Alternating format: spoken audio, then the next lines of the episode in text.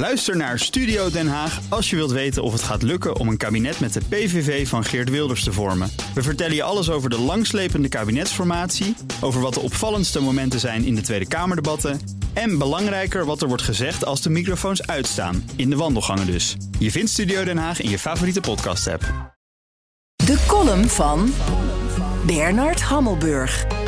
Precies één jaar voor de Amerikaanse presidentsverkiezingen is het politieke landschap zo aan het veranderen dat de twee oorlogsvoerende bondgenoten, Israël en Oekraïne, reden hebben om zich extra zorgen te maken.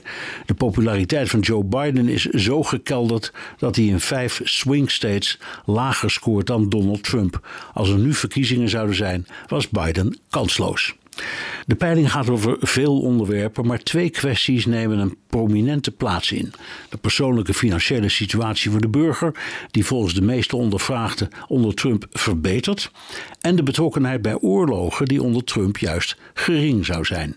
Het belangrijkste gevolg is dat Biden, met de hete adem van de kiezer in de nek, meer haast krijgt om beide oorlogen af te wikkelen. Wat Oekraïne betreft citeert het Witte Huis generaal Valery Zaluzny, die zelf een woord gebruikt dat Biden tot nu toe niet in de mond heeft durven nemen: padstelling. Aan een front dat nu 19 maanden hooguit een paar kilometer opschuift en weer terugschuift, valt ondanks geavanceerde wapensystemen als de Abram tank weinig hoopvols te bespeuren. Trouwens evenmin aan Russische kant.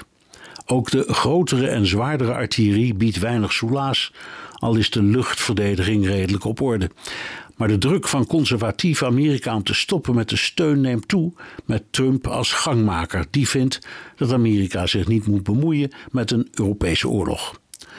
De oorlog tussen Israël en Gaza ligt veel gevoeliger. De steun voor Israël is in het congres overweldigend, maar Biden stuit op twee hindernissen.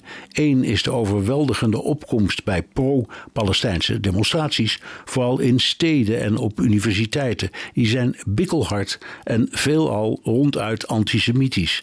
Joodse studenten worden zoveel uitgescholden voor fucking Jews en met verwensingen en dreigementen geconfronteerd dat het onvermijdelijk leidt tot een maatschappelijke en dus politieke Dat doorbreekt Bidens toezegging dat Israël de strijd tegen Hamas mag voortzetten. Hij heeft drie urgente wensen: meer nadruk op het lot van de gijzelaars, dat Israël overstapt van 1000 en 2000 pons bommen naar 250 pons bommen, wat Israël negeert, en gevechtspauzes om hulpgoederen Gaza binnen te brengen en buitenlanders te kunnen oppikken. Na een maand oorlog lukt het maar mondjesmaat. Zelensky en Netanyahu hebben één ding gemeen: hun overtuiging dat ze kosten wat kost gaan winnen en dat ze als puntje bij paaltje komt op Amerika kunnen blijven rekenen.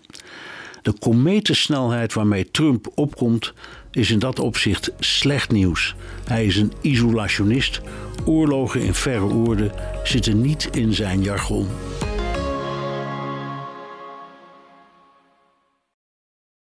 Ook Hugo Reitsma vind je in de BNR-app. Superhandig die BNR-app. Je kunt alle programma's live luisteren, breaking nieuwsmeldingen. Je blijft op de hoogte van het laatste zakelijke nieuws. En je vindt er alle BNR-podcasts, waaronder natuurlijk de belangrijkste, Boeken zijn in de wijk. Download nu de gratis BNR-app en blijf scherp.